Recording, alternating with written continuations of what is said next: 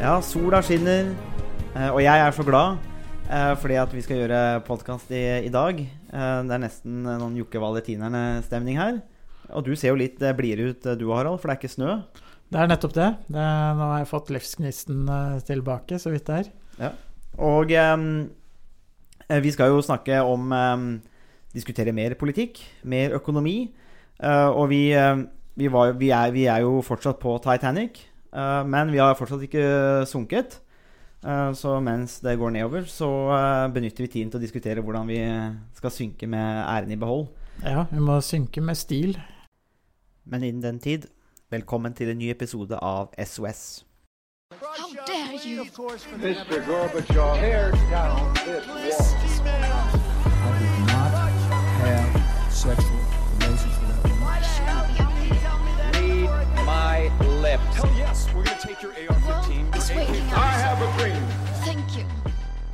Jeg blei var i forrige uke om et intervju med den gamle Ap-kjempen Torbjørn Berntsen. eh, Og noen intervjuer med noen, eh, en- av våre mest kjente sosialantropologer, eh, Thomas Hylland Eriksen, som gikk inn på noe av det vi har snakka om i flere podkastepisoder, om Viken, om reform, men også om eh, forrige ukes podkast, om at eh, vi går på, mot konkurs, da, men på første klasse. Um, så tenkte vi det her er en perfekt anledning til å bare gå videre på det. Og det er jo Vi kan vel egentlig ikke bruke nok tid på det heller, for det er ganske viktig.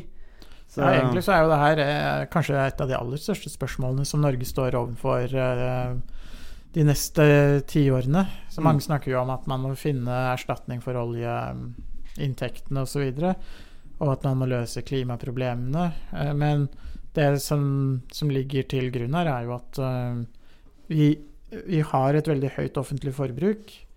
Eh, og det trenger ikke nødvendigvis i seg selv være et problem. Det som mange påpeker, er jo at det vi får igjen for de pengene vi bruker, kan eh, Jeg står ikke alltid for, i forhold til hva vi eh, putter inn. Så det er en Mm. mismatch mellom det vi putter inn, og det vi får ut. ja, og når det kommer til våre tidligere podkaster om Viken, så er det nettopp det har vært våre hovedargumenter mot denne regionreformen.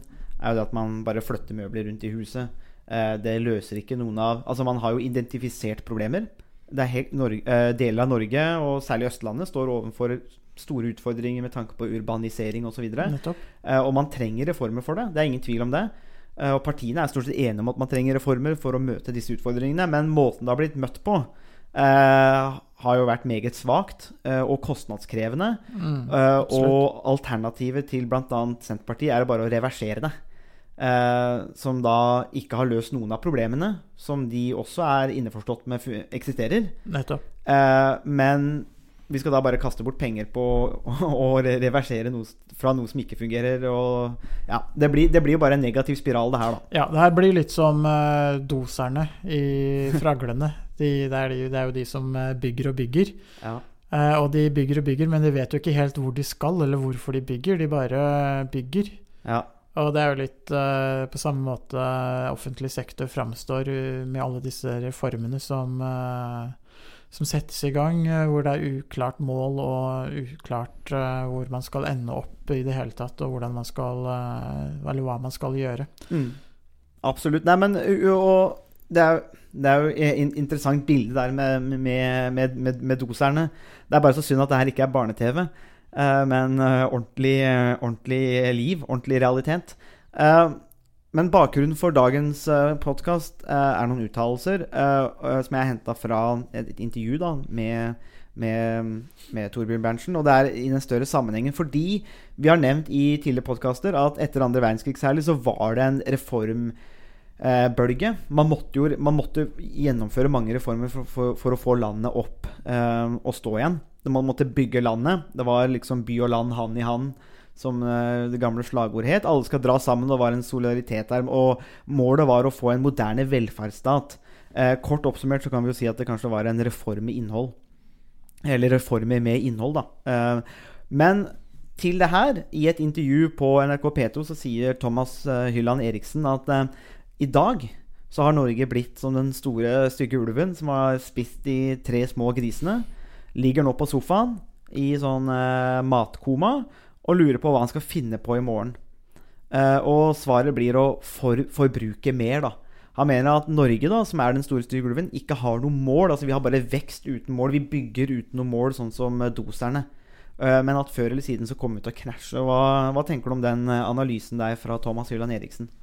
Jeg tror det er en analyse som dessverre er riktig. Og det er interessant at både Thomas Hylland Eriksen og veldig mange ledende samfunnsøkonomer i Norge har den samme diagnosen. Mm. Eh, og Thomas Hylland Eriksen som sosialantropolog og mange samfunnsøk av samfunnsøkonomene har jo et veldig ulikt eh, perspektiv og ulikt syn på, på egentlig de fleste samfunnsspørsmålene. Så det er veldig interessant at, at de møtes Mm. på akkurat det spørsmålet her. Og det, det gjør i hvert fall at jeg eh, sperrer øynene litt ekstra opp og tenker at her er det fare på ferde. Uh, Mm. Og her er det mange som roper uh, ulv, ulv, for å bygge videre på den uh, analogien til Thomas Hylland Eriksen. Og problemet her er jo at det er en viss fare for at ulven faktisk kommer. Mm. Ja, absolutt. Det er Jeg tenkte på når jeg hørte det, var sånn halvveis aha-opplevelse. Eh, og er, jeg tenker det er interessant det du sier, at vi får det samme inntrykket fra flere vinkler. Nettopp. At man, man, man ser de samme faresignalene, eh, samme SOS-signalet, da, eh, for Norge. Og at man i dag Vi har på en måte Og det er jo det, er- det, er her vi har sagt og, og prøvd å si, da. At når man har reform uten innhold, så er det på en måte det er vekst uten noe mål. Og, og, og det, er, det er jo er det, altså, Thomas Hylland Eriksen sier i det intervjuet at uh, det er olja som har kommet og ødelagt. Han men, og, med det mener han at vi, vi har rett og slett fått for mye penger. Og du har jo vært inne på noe av det samme før òg. Det at vi har så mye penger at vi klarer ikke å eh, organisere oss godt, godt Ja. nok, da? Eller, eller strukturere eller prioritere godt nok? Ja, det, det handler om at vi ikke trenger å prioritere.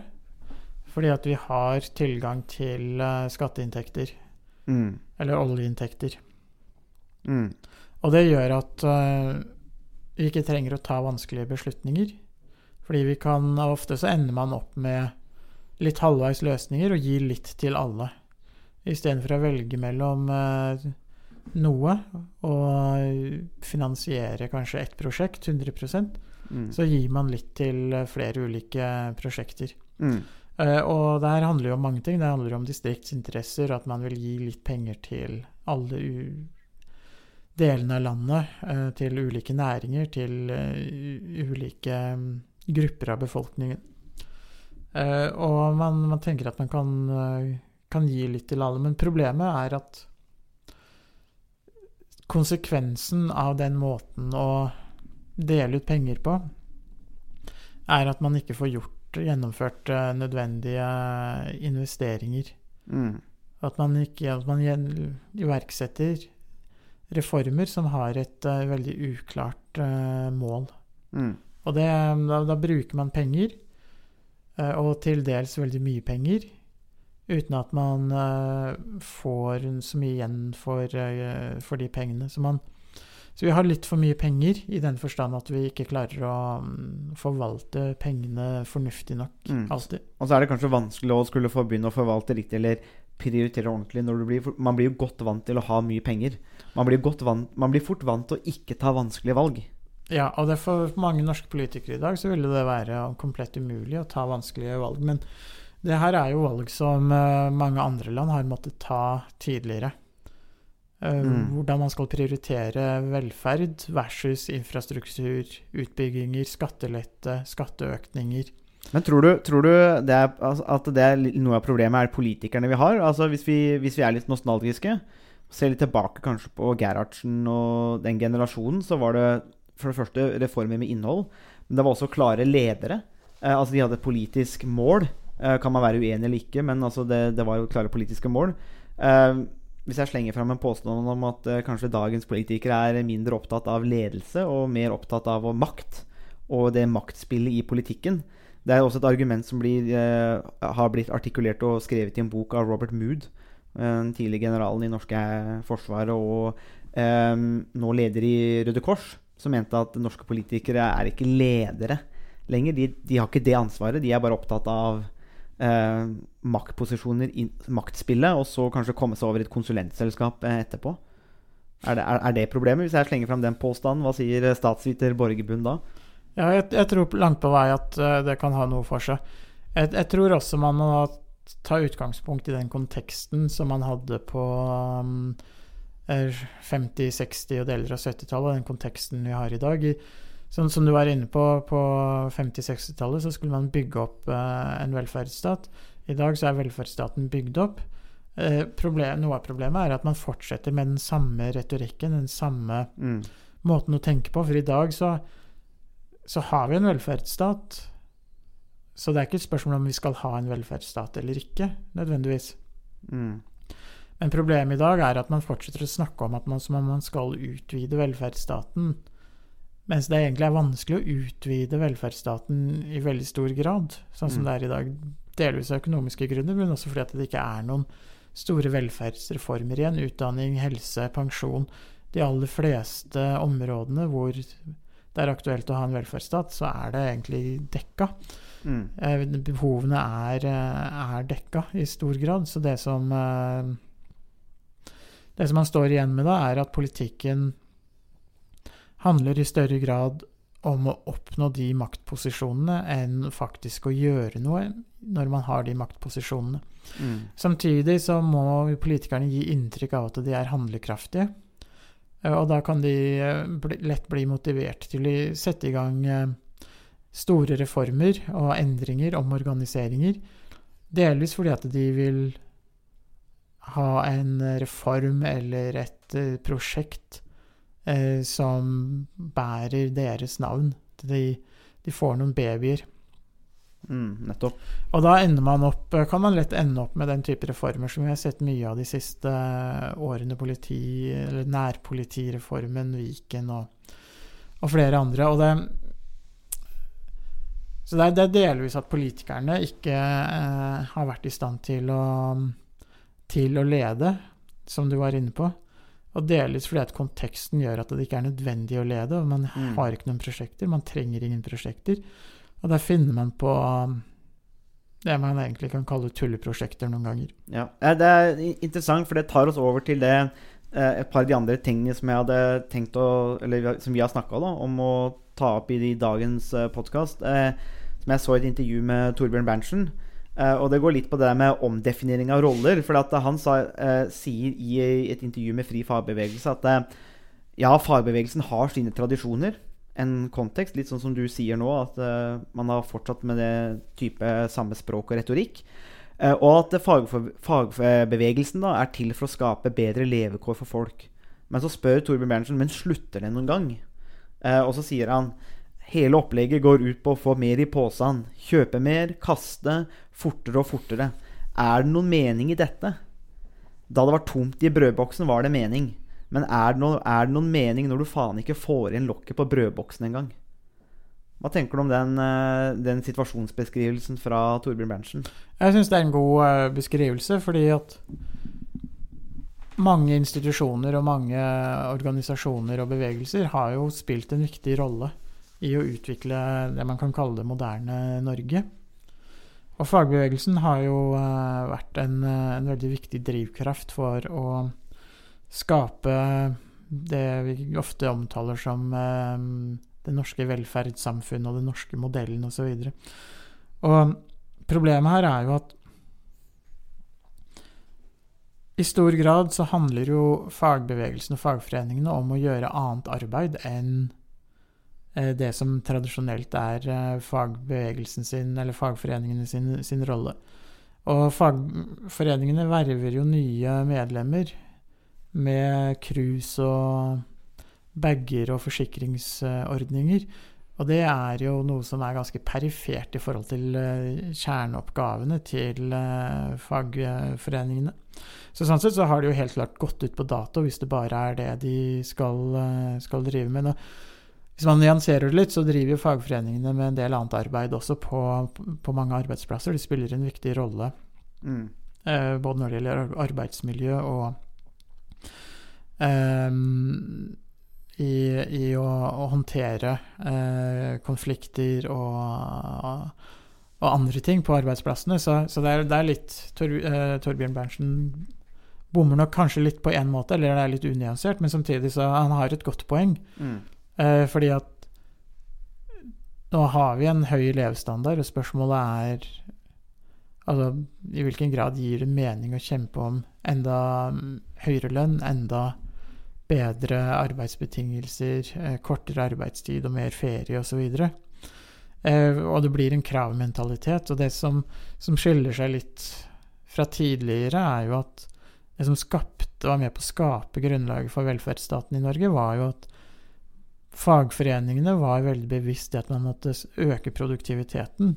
Man måtte øke lønnsomheten. Man måtte være med på å skape trygge arbeidsplasser. Og det som man kan kalle den norske modellen, handler jo nettopp om det at arbeidsgiverne og arbeidstakerne fant sammen.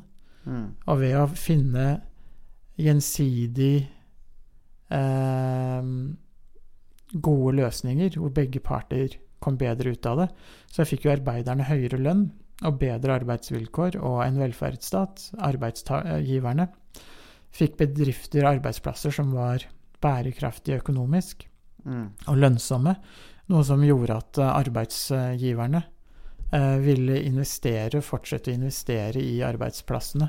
Mm. Og det er noe av det som man kan være, stå i fare for å miste nå. Vi var jo litt inne på det i forrige episoden om hvordan byggenæringen i Norge har utviklet seg negativt de siste årene ved at produktiviteten har falt.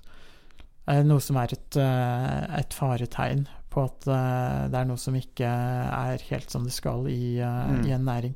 Så sånn sett så Torbjørn Berntsen uttrykker seg litt uh, i overkant enkelt og litt unyansert, men han har et godt poeng. Mm. Uh, fordi at den ideologien eller måten å tenke på at man skal ha mer og mer, den kan jo gi mening, og den ga veldig god mening på 50-60-tallet, da Norge fortsatt hadde relativt store fattigdomsproblemer i forhold til, til hva man har i dag. Og i dag så er, så, så er det veldig viktig at uh, fagforeningen også er med på, på å opprettholde uh, konkurransedyktige arbeidsplasser.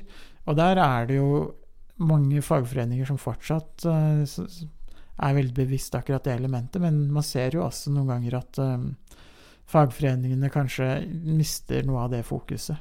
Mm. Det er jo egentlig en eh, Tenk på, det er jo egentlig ganske Kanskje i en fagbevegelsekontekst, Arbeiderpartikontekst, er det egentlig ganske radikalt uh, for Torbjørn Berntsen å si at her må vi omdefinere fagbevegelsen. Det, for for det, det, det han sier, inngår jo også i en, en større kontekst av økonomisk vekst. Altså kan vi bare vokse og vokse og vokse? Eh, kan vi bare få mer og mer brød? Eh, eller må vi, når vi har fått så mye brød at vi har nok, eh, må vi da finne andre mål for fagforeningen? På samme måte som vi må finne andre mål for offentlig sektor. Vi må, altså, vi, vi må, vi må justere mål, da. Og sånne ting. Så det er egentlig en ganske brannfakkel inn i fagbevegelsen, det intervjuet, syns jeg, da. Ja, det er jo absolutt som å banne i kirken. Ja. Men, det er, men det, er, det er jo sånne ting vi trenger, på en måte. Uh, I hvert fall for, for å starte den diskusjonen. Uh, for Ja, den er, absolutt. for den er, er nødvendig. Jeg tror det, noe av det viktigste med Bernt, Berntsen sitt uh, utspill er jo nettopp det at det, setter i gang en debatt. Og Mm. eh, vi diskuterer jo det i dag, så sånn sett så har det jo vært eh, Ja. vellykka. Og det, det er nettopp det, fordi at eh, har, Fordi Berntsen mener at eh, fagbevegelsen ikke har greid å omdefinere rollen til den tida vi lever i nå. Um, og så siterer han uh, Trygve Bratteli, uh, som spurte hva er bortenfor velferdsstaten. Det er jo et, uh, egentlig et fascinerende spørsmål. Så Harald, hva er, hva er bortenfor velferdsstaten? Ja, det er egentlig to Er det noe, er det noe bortenfor vel, velferdsstaten? Det er jo et annet spørsmål. Ja, det er det, er det jo absolutt. Man kan jo se for seg to hovedalternativer. Det ene kan jo være en mer sånn minimumsstat. Eller en stat hvor man ikke har en slags velferdsstat. Eh, eller man kan se for seg en eh, stat hvor man eh, forsøker å omfordele og utjevne sosiale ulikheter i enda større grad enn det velferdsstaten gjør. Mm. Så det kan være to, to alternative idealer, eller eh, to alternativer i en eh, Hvis man skal se bortenfor velferdsstaten. Mm. I dag så er det jo ikke noe reelle alternativer, eller noe reelt bortenfor velferdsstaten. Det finnes ingen eh, attraktive eller populære modeller Mm. eh, til, eh, til en velferdsstat. Så det er, eh, det er hele den konteksten vi, vi ser. Så sånn sett så er det ikke noe bortenfor velferdsstaten. Nei, og, vel, og velferdsstaten henger jo sammen med økonomisk vekst og produktivitet, som vi har snakka om. Det er korrekt. Det, det stemmer. Det er to elementer der. Og, og da er vi jo inne i noe av det som Berntsen sier, fordi eh, han, og også Thomas Jørgen Eriksen og mange andre eh, Det kan oppsummeres i overskriften til intervjuet med Berntsen, som, der han sier at eh, at jeg har for lengst mista trua på det der økonomisk vekstsamfunnet. Det jo, og det er jo egentlig hele grunnlaget for Arbeiderpartiet er jo egentlig økonomisk vekstsamfunn på en måte. Er, og, og at veksten skal, om, og skal omfordeles via fagforeninger og partier til arbeiderne. Det er jo egentlig det de er langt på vei basert på. Så gjerne, vi har drikke og ete nok. Eh, kloden har ikke ressurser nok til at alle skal få det som oss. Um, og, så sier han videre at eh, ja, han har ikke svaret på de problemene her, men at eh, vi må finne en annen måte å innrette oss på enn bare økonomisk vekst. Uh, og om det var opp til meg, så ville jeg dreid over til å stille spørsmål om forbrukersamfunnet. Og er forbrukersamfunnet pol politikkens endelige mål? Uh, spør uh, Torbjørn Berntsen. Og, men da er vi jo i en situasjon hvor, det, hvor den offentlige sektoren vi har i dag i Norge, er, og samfunnet vi lever i, og velferdsstaten, er knytta til økonomisk vekst. Og da snakker du om et sånn eh, Men det er innafor disse rammene. Hva er bortenfor velferdsstaten? Eh, er det riktig å kalle velferdsstaten og det vi nå lever i, en sånn paradigme?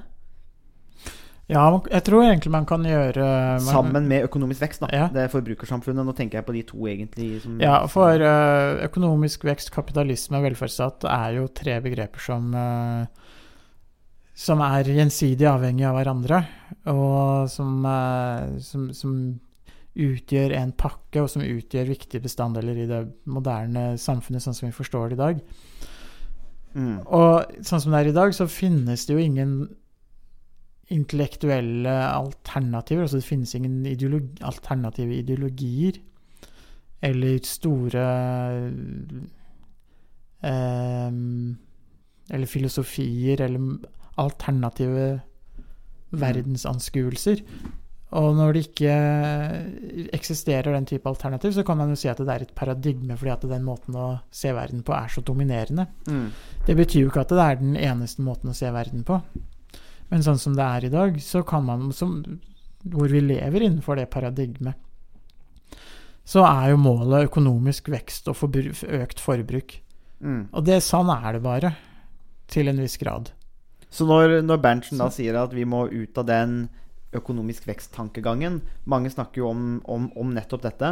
Så vil du si at innenfor det måten vi lever på i dag, vi kan kalle det et paradigme, så, så er det umulig å Per nå så er det umulig å se for seg en annen måte, da. Ja, det eksisterer ikke i dag. Eh, Hvis du går eh, 70 år tilbake, så hadde man jo sosialisme versus kapitalisme. Mm. Så hadde man to ideologier, to alternative verdensanskuelser. Mm. I dag så finnes det bare én, og det er et slags sånn kapitalistisk forbrukssamfunn med en velferdsstat som gjør livet litt uh, mindre hakkete for de som, uh, som trenger hjelp. Mm. Og det finnes ikke noe reelt alternativ. Det finnes jo noe innenfor miljøbevegelsen, miljøetikk og uh, relatert til klima, hvor man skal tenke alternativt osv., men det har ikke tatt det, er, det er ikke store deler av befolkningen som, som støtter den typen uh, tenkning. Så det Mm. finnes ingen, uh, ingen øh, alternativer. Det å liksom flytte i en økolandsby uh, i pendleavstand til Oslo, så er liksom ikke det er ikke et reelt alternativ eller en, eh, annen, et annet paradigme. Mm. Så det betyr at på på det som, eh, For å svare på det som Torbjørn Berntsen sier, så, ja, så, så ber han om et alternativ. Og i dag så eksisterer det ikke noe alternativ, så derfor er jo gjerne er derfor er svaret på hans eh, forespørsel nei. Mm. Det, er ikke noe, det finnes ikke noen alternativ. Det er bare å forbruke. Og det er det eneste Det er det eneste som gjelder. Mm. Det, er jo, det er jo nesten litt trist når du sier det på den måten, eh, Harald. Men det er, eh, sånn, er det bare forbruket. Det er det eneste som gjelder. Men, men jeg er jo langt på vei eh, Jeg deler jo langt på vei det, det du altså, ja, altså jeg sier jo ikke nødvendigvis at det, det er udelt positivt, for å si det sånn. Men så det, så det jeg vil ha frem, er jo det at innenfor den måten vi tenker på nå, så er, finnes det ikke noe alternativ. Man kan liksom ikke sitte og file og pusle på, på kapitalisme og velferdsstat og produktivitet. Det er tre begreper som er ganske tydelige, og som uansett hvor mye vi filer og pusser på dem, så vil eh, grunnlaget være vekst, økonomisk vekst og Mm. økonomisk aktivitet. Vi må tenke på en helt annen måte, ha en helt annen økonomisk organisering. Per dags dato så eksisterer ikke det alternativet, og da er det bare forbruk som gjelder. Da Mm. er det bare å kjøre på. Ja, Vi kan jo eh, eh, introdusere eh, litt mer Vi brukte ordet her eh, paradigme. Eh, det fins jo ulike sånn definisjoner på det. Det er jo mest kjent via Thomas Kohns uh, definisjon. Uh, og han definerte jo som de felles, og da i en vid utstrekning, da, de uskrevne spilleregler som samlet Det her er en vitenskapelig sammenheng, da, men som samlet forskerkollektiv omkring en bestemt problemløsende vitenskapelig praksis. Men det er det derre at det kan samle disse felles spillereglene og tankesettet og kollektive mm, ja, tanker og ideer um, som kan utgjøre et paradigme. Da. Det utgjør et mønster. Det er jo egentlig det det betyr. å paradigme, et forbilde eller mønster. Og det er jo det vi har da, med det forbrukersamfunnet langt på vei. Uh, et sånn slags mønster. Altså det er vekst. Eh, Ja, og staten er bygd riktig. opp rundt denne veksten, og vi har basert velferdsstaten vår på vekst. Derfor så er produktivitet veldig viktig. Så når SSB kommer og sier at det er fall i produktiviteten, så er det en, et varsko, fordi at eh, vi er avhengig av den produktiviteten. Og da kan vi på en måte si at vi lever i det paradigmet. Eh, men så er kan man, jo, man kan jo få et paradigmeskifte. Det er jo fullstendig mulig. I Thomas Kohns definisjon så er, det, er disse kjennetegnet ved en radikal uenighet eh, blant ulike representanter. Og resultatet blir at et nytt paradigme vinner fram og fortrenger det gamle. Eh, og dette blir en, måte en vitenskapelig revolusjon, men det er det som kjennetegner en, en, et paradigmeskifte. Og da er spørsmålet mitt eh, er kan, Er klimakrisa, eller kan klimakrisa bli, bli så omfattende at det kan tvinge fram et paradigmeskifte? Eh, hva tror du om at, at det er det som må til for at vi skal må forandre og komme ut av den, det paradigmet vi er i nå? Vi, vi slår fast vi kan ikke gjøre noe annet inn i det paradigmet vi er nå. Eh, men vi kan få paradigmeskifter. Er klimakrisa det som kan utløse det? Eh, hvis jeg skal eh, være litt eh, direkte og klar og tydelig, Og det er jo en fordel. det er en fordel, har jeg hørt, Ja. så vil jeg rett og slett bare si nei. Er, eh, ja, du har tatt på deg den dogmatiske hatten i dag. Jeg har gjort det. Ja, nei, men for, forklar. Det er jo interessant. Ja, altså- Og det er rett og slett fordi at i det du eh, Altså det, i det du sa om hvordan man definerer da, et paradigme Så det du, det du la vekt på da, i kun sin uh, definisjon, er jo nettopp det at at man er, At det er uenighet. Mm. Og i dag så er det ikke uenighet. Altså alle ser jo at uh, de aller fleste, uh, bortsett fra USA, Saudi-Arabia og Norge, ser jo at klimaendringene er menneskeskapte. Mm. Eh, og at de, de kan Men vi har den reneste olja i Norge. det, det er veldig viktig å påpeke. Det er veldig viktig. Eh, og det får vi veldig mye penger fra Equinor for å si også. vi, vi, vi må ta de sponsorene vi kan få. Det må vi. Eh, når Equinor banker på døra, så Da, da, får, de, da får de litt Equinor gjør mye godt. Eh, så, Men, men det, det, det som jeg la merke til, da, som jeg tenker er viktig i Kuhns definisjon, er det med uenighet. Mm. At når det er det, det, som, det som kjennetegner altså et paradigmeskifte, er at liksom, det er enighet, enighet, enighet. Man jobber innenfor det samme mm, samme systemet. Og så er det Fortsetter man bare innenfor det systemet. Og sånn som det er i dag, så er det ikke noen uenighet. Det er ikke noen alternative røster som utfordrer det systemet. Ikke på systemnivå. Nei. Og så lenge man ikke har det, den uenigheten på systemnivå, så vil man heller ikke få et paradigmeskifte. Men eh, når det er sagt, da, så kunstinteori handler jo om eh, hvordan kunnskap utvikles innenfor et vitenskapelig perspektiv. Altså Mm. hvordan forskere og professorer og doktorgradsstudenter Ja. jobber innenfor sine respektive fag. Eh, Men når det gjelder klimakrisa og økonomisk altså aktivitet og hvordan økonomien fungerer, så er jo det mer et, delvis et politisk spørsmål, men også et mer sånn praktisk spørsmål om hvordan man gjør ting Mm. i hverdagslivet. Så det er ikke sikkert at kun sin forståelse eller teori om paradigmer kan oversettes direkte. Nei. Men hvis vi sier, hvis vi antar at den kan uh, ha en viss uh, uh, anvendelsesmulighet til klimaspørsmålet, så er svaret mitt nei, fordi at vi ikke ser den uenigheten som er en forutsetning for å skape forandring. Mm. Og eh, man kan jo si at ja, det er, det er på vei, og det kommer. Ja vel, kanskje, men vi er ikke der. Mm. Det, det er ingen uenighet. Mm. Ikke på systemnivå. Og når det ikke er noen uenighet på systemnivå, Mm. så er det heller ikke noen, eh, noe paradigmeskifte på gang. Mm. Ja, altså, ja jeg, jeg, tenker det er uh, veldig gode poenger. Og vi kan, jo ikke, vi kan jo ikke utelukke et paradigmeskifte.